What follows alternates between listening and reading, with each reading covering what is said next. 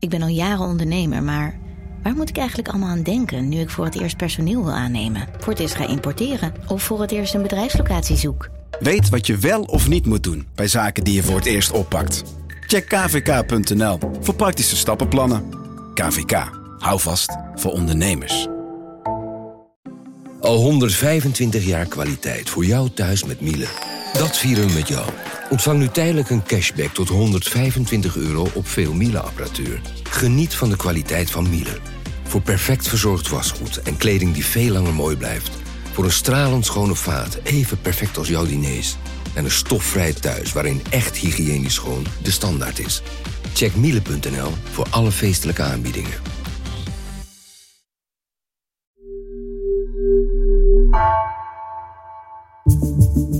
Vanaf de redactie van NRC het verhaal van vandaag. Mijn naam is Egbert Kalsen.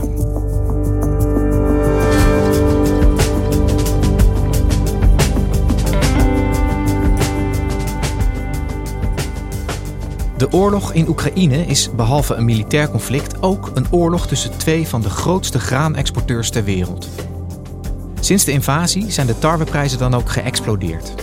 Verslaggever Simone Peek zag hoe Oekraïense boeren hun graan niet meer kwijt kunnen. En economieredacteur Hanneke Chinafo legt uit hoe de oorlog de dreigende honger voor miljoenen mensen alleen maar dichterbij brengt.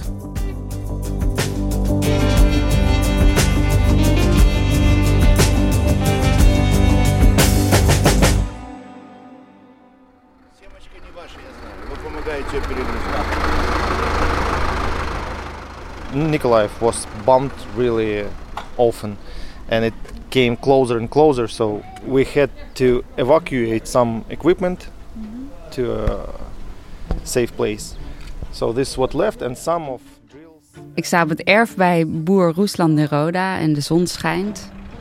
De motoren van de machines brommen en er zijn een paar mannen mee in de weer, een stuk of zes man personeel heeft hij.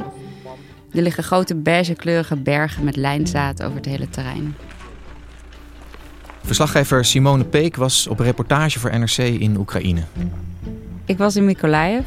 Dat is een havenstad in het zuiden van Oekraïne. Ten noorden van de Krim, dus echt in het midden van het land. En het front ligt nu iets van 20 kilometer ten zuiden van die stad. My name is Ruslan, Ruslan Niroda. I'm a farmer. I farm 1,200 hectares and 1,200 of uh, vineyards here in Nikolaev. Ruslan is, ja, het is een beetje moeilijk om het te zeggen, maar hij is er best goed vanaf gekomen uh, tot nu toe. Um, zijn boerderij staat aan het westen van de stad en het oosten van de stad is belegerd. En eigenlijk alle boerderijen die daar staan, aan het oosten van de stad, die zijn volledig kapotgeschoten, vernield, uh, uitgebrand. Um, maar Ruslan, ja, zijn boerderij staat er uh, vandaag in het zonnetje bij. er wordt gewerkt. hij heeft nog oogst liggen.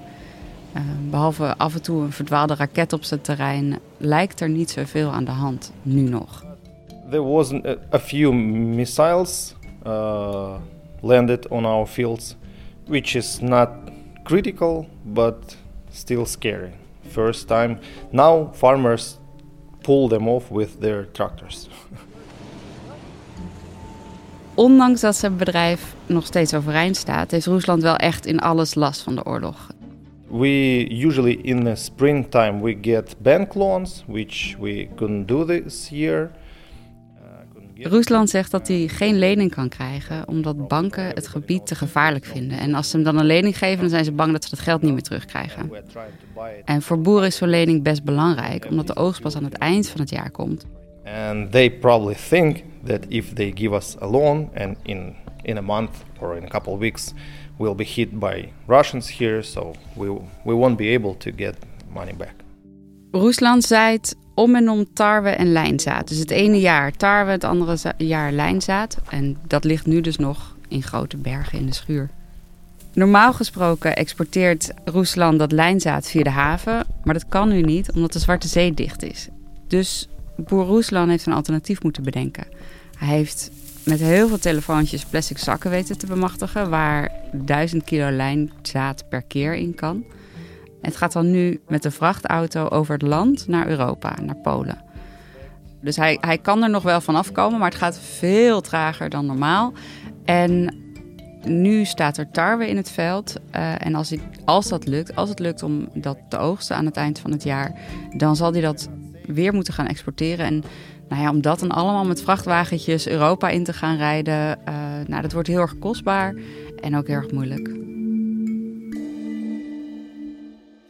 Hanneke, Hanneke Chin, jij zit hier bij mij in de studio. We hoorden net uh, Simone Peek die in, uh, in Oekraïne geweest was en daar zag hoe uh, de boeren daar worstelen met de gevolgen van de oorlog. Oekraïne staat bekend als een van de grootste graanproducenten, een van de grootste graanschuren van de wereld. En jij schrijft al heel lang over voedsel en voedselvoorziening en de wereldwijde problemen die daar ook mee zijn. Kan jij eens vertellen, wat zien we nou gebeuren in Oekraïne als gevolg van die oorlog? Je moet bedenken dat deze oorlog tussen Rusland en Oekraïne ook een oorlog is tussen twee van de belangrijkste graanexporteurs ter wereld.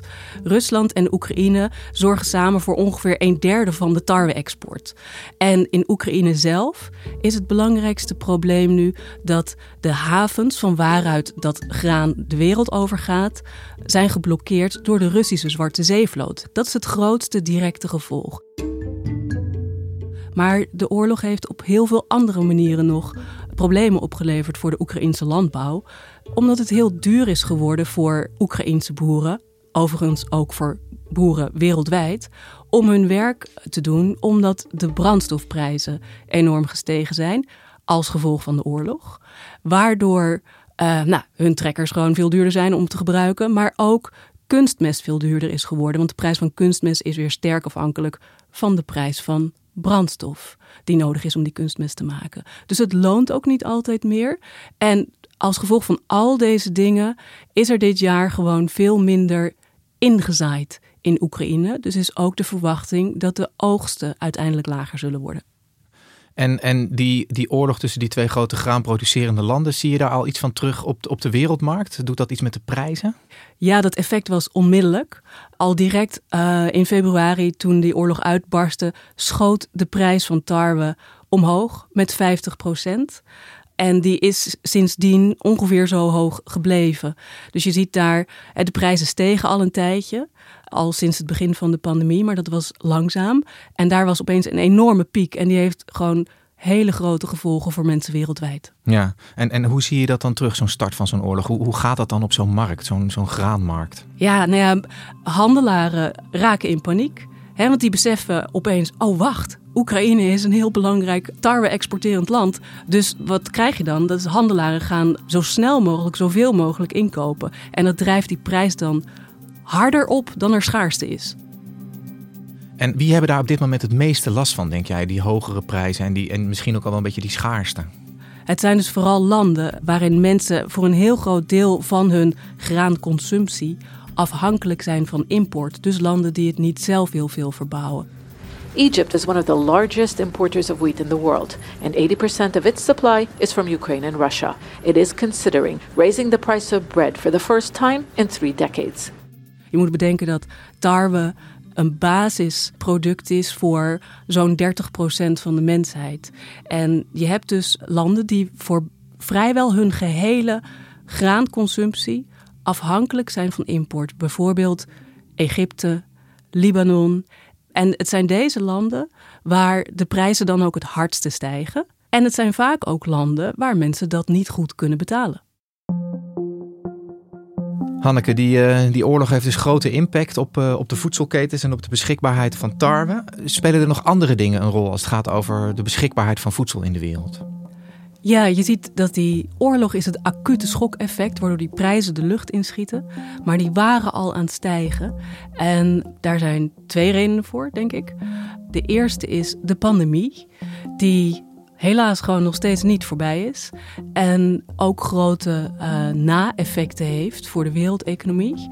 En je ziet dat er in heel veel belangrijke tarwe producerende landen, die dus ook heel veel exporteren, op dit moment extreem weergebeurtenissen zorgen voor zorgen over de oogst. Ja, en, en kan jij eens uitleggen wat de nasleep van die pandemie dan voor effect heeft? Ja, je zag toen veel landen weer uit lockdown kwamen, dat ze weer meer gingen produceren en meer gingen vervoeren. En daardoor stegen energieprijzen bijvoorbeeld al erg. En de gestegen energieprijzen leiden ook tot hogere voedselprijzen. Dus dan heb je de oorlog, dan heb je de pandemie, wat jij net uitlegde. En dan heb je ook nog de droogte, de, de klimaatverandering. Vat ik dat zo goed samen?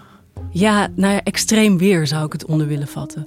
Je ziet ehm, China is het grootste tarwe-producerende land ter wereld. En daar is gewaarschuwd voor een tegenvallende oogst, omdat zij daar last hadden van extreme regenval.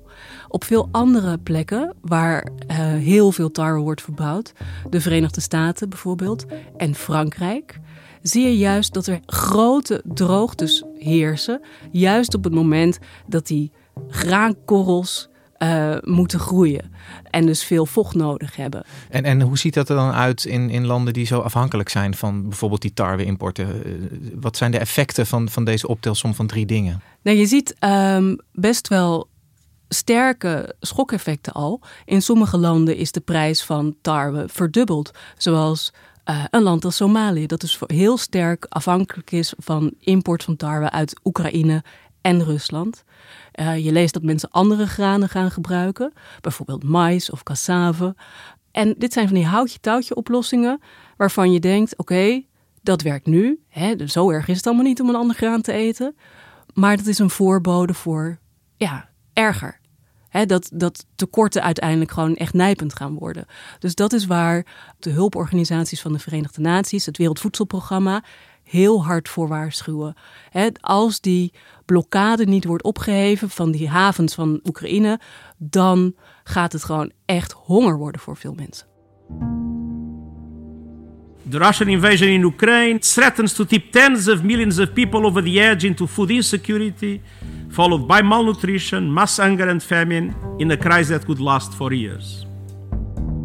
Ja, ja, jij noemt het honger. Dat is iets wat ik uh, zeg maar vooral uh, als een probleem uit het verleden, ja niet helemaal natuurlijk, maar hè, dat is iets wat we de afgelopen decennia met, met heel veel inspanningen geprobeerd hebben de wereld uit te krijgen.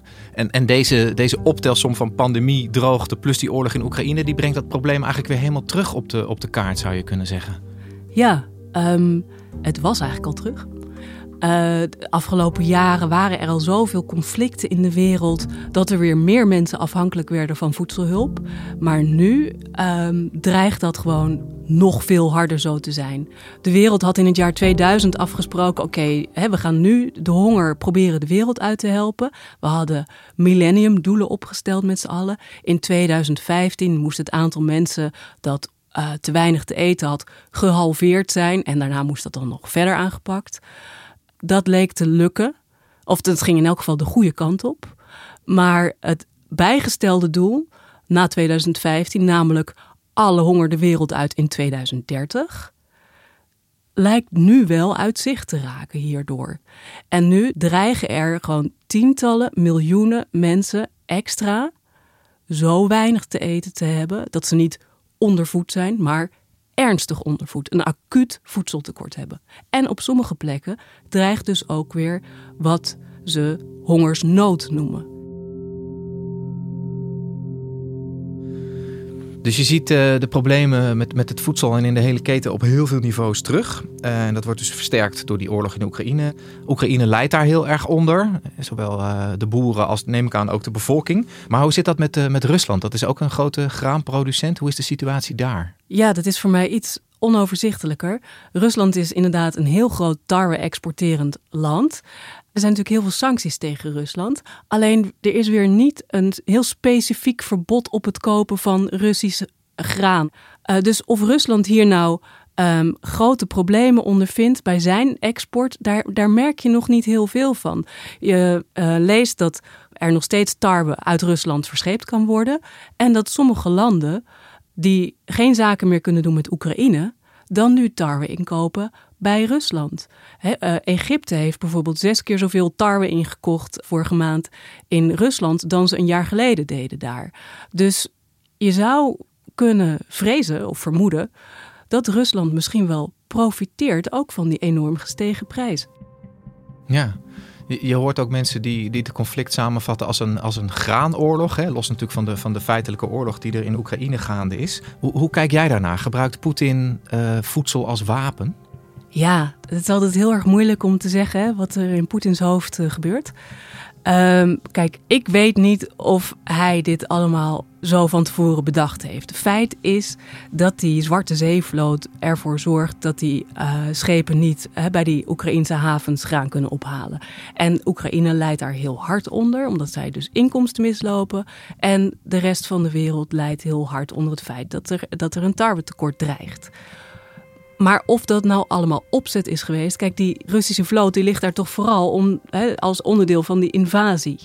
Maar het feit is dat het voor hem fijn is dat de hele wereld afhankelijk is van de vraag of hij toestemming geeft om dat graan daar te komen ophalen. En hij zet dat dus nu ook in, zie je. Vorige week hebben uh, de Duitse bondskanselier Scholz en de Franse president Macron, eerder al de Italiaanse premier Draghi, aan hem gevraagd: alsjeblieft, hè, zorg dat dat graan opgehaald kan worden. En hij zegt dan: Ja, nou, er valt mij uitstekend over te praten. Draai eerst die sancties maar terug.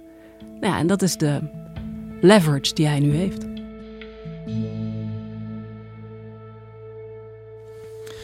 Hanneke, die, uh, die droogte en dat extreme weer kunnen wij niet op korte termijn oplossen. En de nasleep van de pandemie uh, ben ik bang ook niet.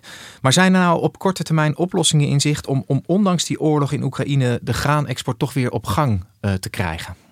Ja, de Europese overheden zijn heel hard plannen aan het maken hè, en, proberen creatief te zijn om gewoon heel praktisch die tarwe en die andere granen toch uit Oekraïne te krijgen. Dus ze zijn nu op hoog niveau aan het onderhandelen. Moet er een soort van voedselcorridor vanuit Odessa komen, waarbij uh, koopvaardijschepen worden begeleid door marineschepen. Dan moet uh, die Zwarte Zeevloot een stukje opschuiven. Er moeten ook mijnenvegers bij, omdat nou, er mijnen drijven in die Zwarte Zee. Maar dat heeft heel veel voeten in de aarde. Dan ga je gewoon toch op de een of andere manier proberen die militaire strijd te veranderen. Dus of dat voor elkaar komt, is nog heel erg de vraag. Verder wordt er gewerkt aan alternatieven over land. Dus een uh, betere spoorverbinding tussen Oekraïne en Europese landen. Het probleem is dat Oekraïne een andere breedte van de rails heeft dan uh, de Europese landen. Dus dan moet dat graan dan overgeladen worden. Dus op deze hele praktische manier proberen ja, de bondgenoten van Oekraïne toch dat graan eruit te krijgen. Want het is een heel acuut probleem. En als over een maand of twee die tarwe die nu op het land staat geoogst moet worden, dan zijn al die silo's nog vol. Dus dan kunnen die boeren dat ook niet kwijt. Dus dan gaat die oogst misschien ten dele of geheel verloren. Dus er is hartstikke veel haast geboden ook. Maar um, makkelijk opgelost is dat niet. Nou is het in de economie ook altijd zo dat als de prijs van iets heel erg omhoog gaat, in dit geval de tarwe, dat het ook aantrekkelijker wordt om dat te gaan verbouwen. Zie je dat ook al gebeuren? Ja, nou dat is voor boeren die hun plannen moeten maken voor oktober, als de wintertarwe gezaaid wordt, kan het nu heel aantrekkelijk zijn om te kiezen voor tarwe in plaats van een ander gewas. Dus wie weet uh, krijgen we zo weer een overvloedige oogst. Dat is natuurlijk ook weer afhankelijk van het weer dan bijvoorbeeld. Maar het kan zijn dat de markt hier ja, toch een herstellend effect gaat krijgen. Er is dus nog hoop dat de markt zichzelf misschien wel een beetje herstelt als gevolg van die hoge prijzen. Maar uh, hoe het in de tussentijd gaat lopen, dat is denk ik uh, bijna niet te zeggen. Nee, en die tussentijd is natuurlijk wel belangrijk. Het groeiseizoen in onze kontrijen is nog niet voorbij. Dus extreem weer hier kan nog meevallen. Maar als de dingen zo doorgaan als ze nu gaan, waarschuwt bijvoorbeeld uh, de baas van het Wereldvoedselprogramma: oké, we hebben nu een sterk prijseffect van die schaarste. Maar als dit zo doorgaat, hebben we volgend jaar ook gewoon echte schaarste. En of dat zo zal zijn, dat is dus van heel veel dingen afhankelijk. Hè? Dus uh, onder andere van of de boer waar Simone mee heeft gesproken, zijn tarwe die nu op het veld staat, uiteindelijk het land uit kan krijgen. We're thinking the global food crisis is coming and due to war, it's it's coming quicker.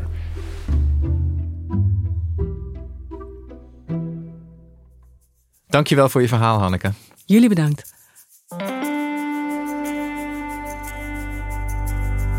Je luisterde naar vandaag, een podcast van NRC. Eén verhaal, elke dag.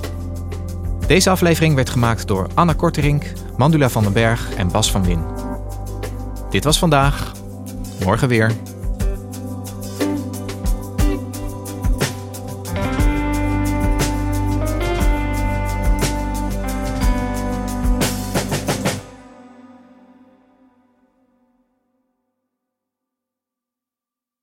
Technologie lijkt tegenwoordig het antwoord op iedere uitdaging. Bij PwC zien we dit anders. Als we de potentie van technologie willen benutten, kunnen we niet zonder een menselijk perspectief. Human-led, tech-powered noemen we dat. Ga naar pwc.nl.